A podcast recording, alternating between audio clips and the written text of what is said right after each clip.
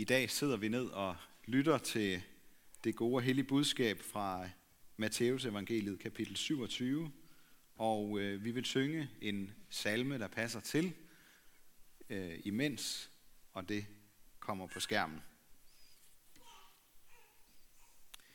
Da tog stadholderen soldater Jesus med sig ind i borgen og samlede hele vagtstyrken om ham. Og de klædte ham af og hængte en skala en rød soldaterkappe om ham, flettede en krone af tårne og satte den på hans hoved. Gav ham en kæp i højre hånd og faldt på knæ foran ham, hånede ham og sagde, Hild dig, jødekonge. De spyttede på ham og tog kæppen og slog ham i hovedet. Oh, oh,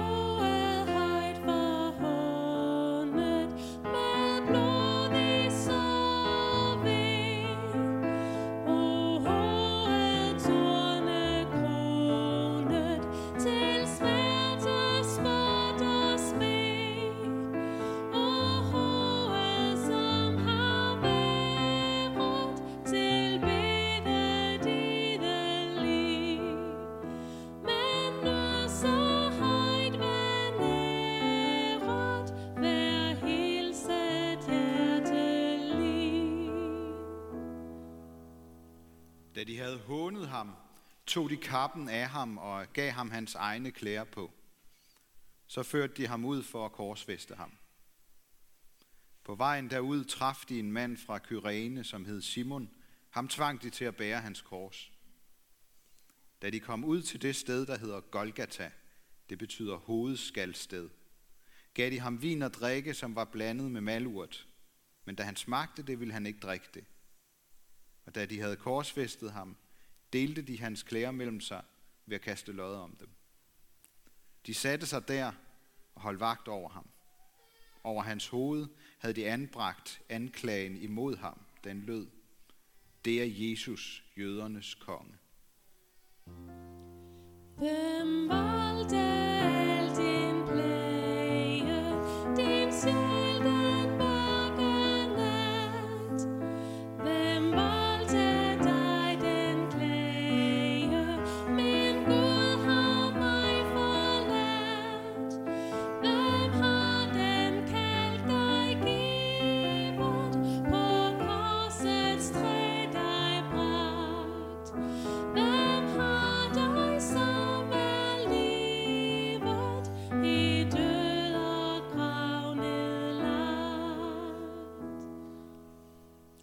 Sammen med ham blev der korsfæstet to røvere, den ene på hans højre, den anden på hans venstre side. Og de, der gik forbi, spottede ham og rystede på hovedet og sagde, Du som bryder templet ned og rejser det igen på tre dage, frels dig selv, hvis du er Guds søn, og stig ned fra korset. Min Jesus, du er så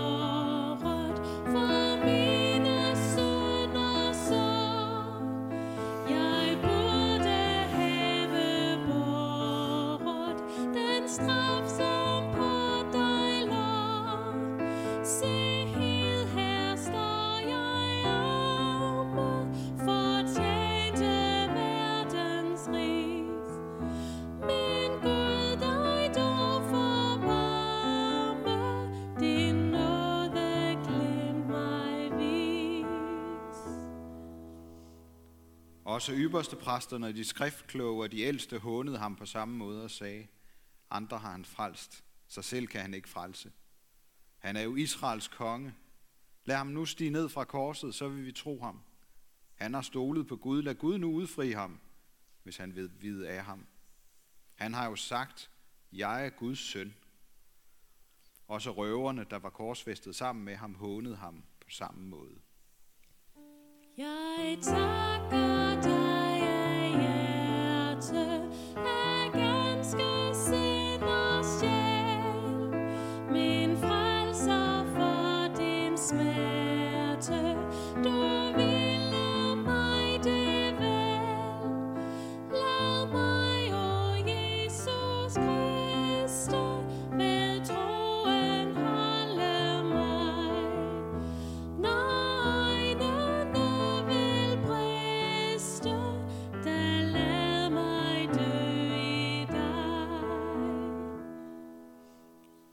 Men fra den sjette time faldt der mørke over hele jorden indtil den niende time.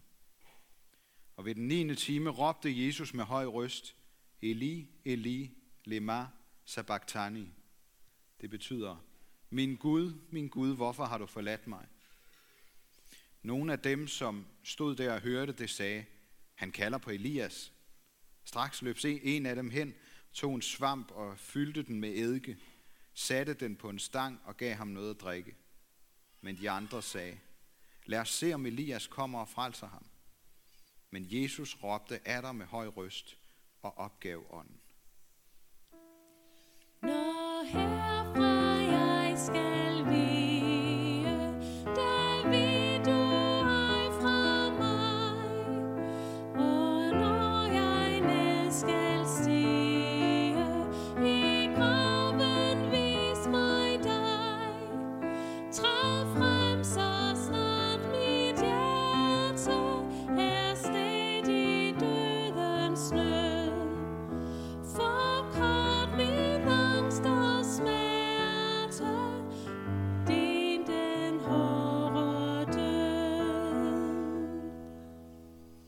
Og se forhænget i templet flængedes i to dele fra øverst til nederst.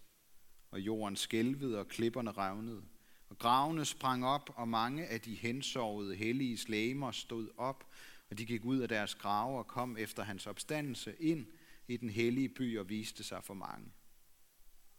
Men da officeren og hans folk, der holdt vagt over Jesus, så jordskælvet og det andet, der skete, blev de redselslagende og sagde, sandelig, han var Guds søn.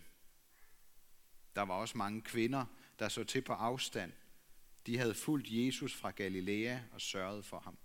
Blandt dem var Maria Magdalene, Maria Jakobs og Josefs mor og Zebedeus sønnernes mor. Vær du mit skjold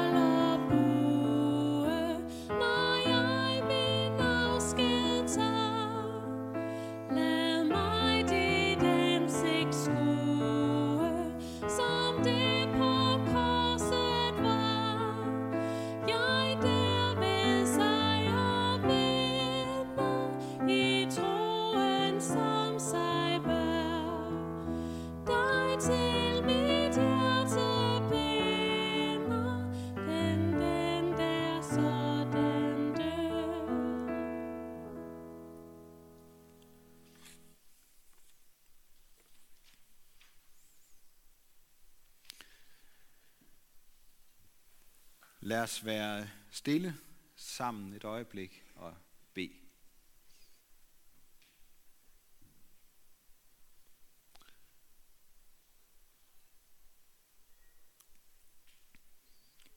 Jesus, vi ved ikke, hvad vi skal sige, når vi står over for din død og det, du har gjort for os.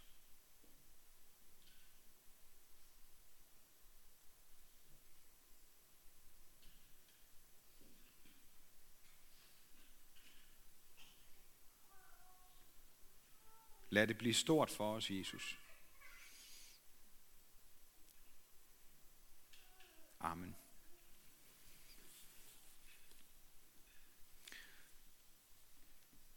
Jeg må indrømme, at jeg bliver lidt rystet hver gang, jeg hører om Jesus, der dør. Det er jo ikke, fordi jeg ikke ved det, eller har hørt det før. Jeg tænker, det er sådan, det må være at være menneske. Så må vi aldrig blive kolde over for andre menneskers død. For så er vi ved at dø en lille smule selv, åndeligt forstået. Men der er meget mere på spil, da Jesus dør. Så meget, at det kan være svært at få sat ord på. Men der skal sættes ord på det. For ellers så bliver det ikke til andet end et skuespil for os, eller en historie fra de grufulde gamle dage. Hvis vores kristendom ikke har noget at byde på i mødet med døden, så er der ikke længere liv i den. Så er den kun en kendt kulturbaggrund, et udgangspunkt, vi kan tænke tilbage på, men som vi aldrig for alvor vender tilbage til. Verdens fundament rystede dengang. Jorden skælvede. Alt, hvad de havde holdt fast i, vaklede. Der var ingenting tilbage for disciplene. Ensomheden, splittelsen og meningsløsheden fyldte deres tanker og følelser. Langfredag var lang og mørk, mens de gik hver for sig. Det, der havde samlet dem, det var væk. Eller endnu værre, det så ud til at være en stor illusion. En dum drøm om fremtid og håb. Kvinderne og mændene, der havde fulgt Jesus, var overladt til selv at finde mening i deres eget liv. I tre år havde de gået sammen med Jesus, og til sidst så gik han en vej, hvor de ikke længere kunne følge ham. De var tilskuere. Og noget af det værste, det er at stå ved siden af og ikke at kunne gøre noget for at hjælpe. Men det værste, det var, at de selv var fuldstændig hjælpeløse. Deres håb, deres tro, deres kærlighed døde på korset. Det var meningsløst. Og midt i det hele, så voksede sorgen og skuffelsen og skylden. Og som vi kan læse om det i Bibelen, så fik de først skilt de tre ting ad efter nogle dage. Sorgen blev vendt til glæde, skuffelsen til sejr og skylden til frihed. Og det skete, fordi Jesus gik ene gang. Normalt så er det negativt, når mennesker går deres egne veje og går ene gang. Det gør vi måske i øh, raseri, eller i stedighed, eller dumhed. Måske er der nogen af jer, der kender det. Men Jesus gik ene gang mod døden i kærlighed med åbne øjne og med en stålsat vilje. Han gik planken ud frivilligt. Der var ingen, der skubbede ham. Dem, der havde lyst til at gøre ham ondt, kunne ikke røre ham, da de mødtes i Gethsemane have. Først da han gav dem lov, kunne de tage ham til fange. Han tog som den eneste alle menneskers sorg, skuffelse og skyld på sig. Sorgen over tabet af sin far. Min Gud, min Gud, hvorfor har du forladt mig? Skuffelsen over at blive hånet af dem, han elskede og offrede sig for. Og skylden, som lå som en mørk sky mellem Gud og mennesker, og som gjorde dagen mørk som natten og rystede jorden. Langfredag er en sort dag for menneskeheden. Fordi den afslører mørket i os og omkring os. Alverdens synder fortættede sig på bakken Golgata. Korset kastede skam over den mand, der gik alene ind i håbløsheden, ensomheden og forbandelsen. Alle andre mennesker ville ikke have kunne klare det. Men han gik ene gang, for at vi aldrig skal gå lige så langt. Det var vores skyld, han bar. Men det var ikke vores ondskab, der tvang ham til at gøre det. Han gjorde det frivilligt og i kærlighed til os, fordi han vidste, at der ikke var andre muligheder. Vi står ved verdenshistoriens største gåde her på langfredag. Mange andre religioner har glemt af det mystiske offer, der kan befri mennesker.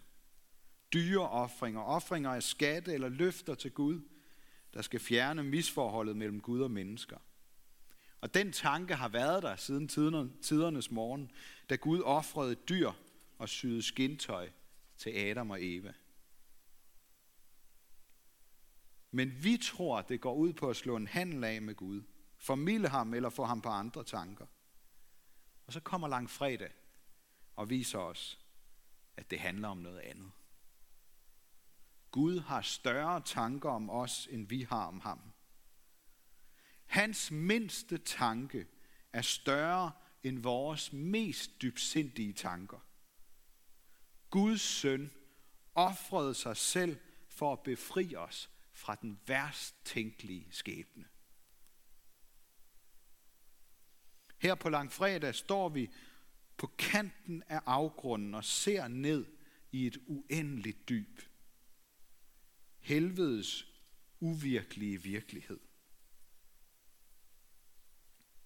Hen over det dyb går en vej, der er sikret med inderlig kærlighed, og som har kostet mere end alle verdens dyreste broer til sammen. Og den holder ikke bare lang tid, den holder altid.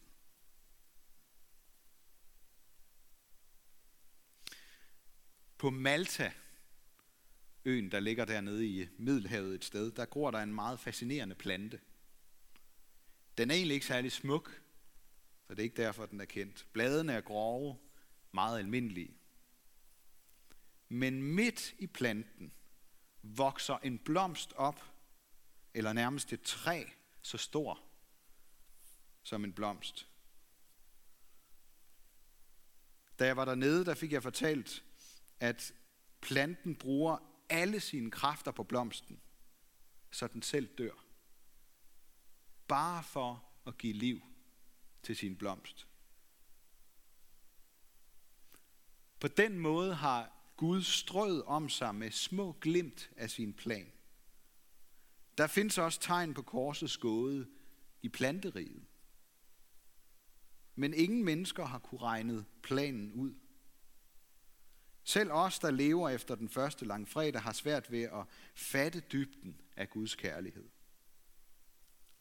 Mennesket, vi er Guds blomst. Trådt ned af det onde, men skabt til et nyt liv gennem Jesus Kristus, der offrede sit liv for sin kirke.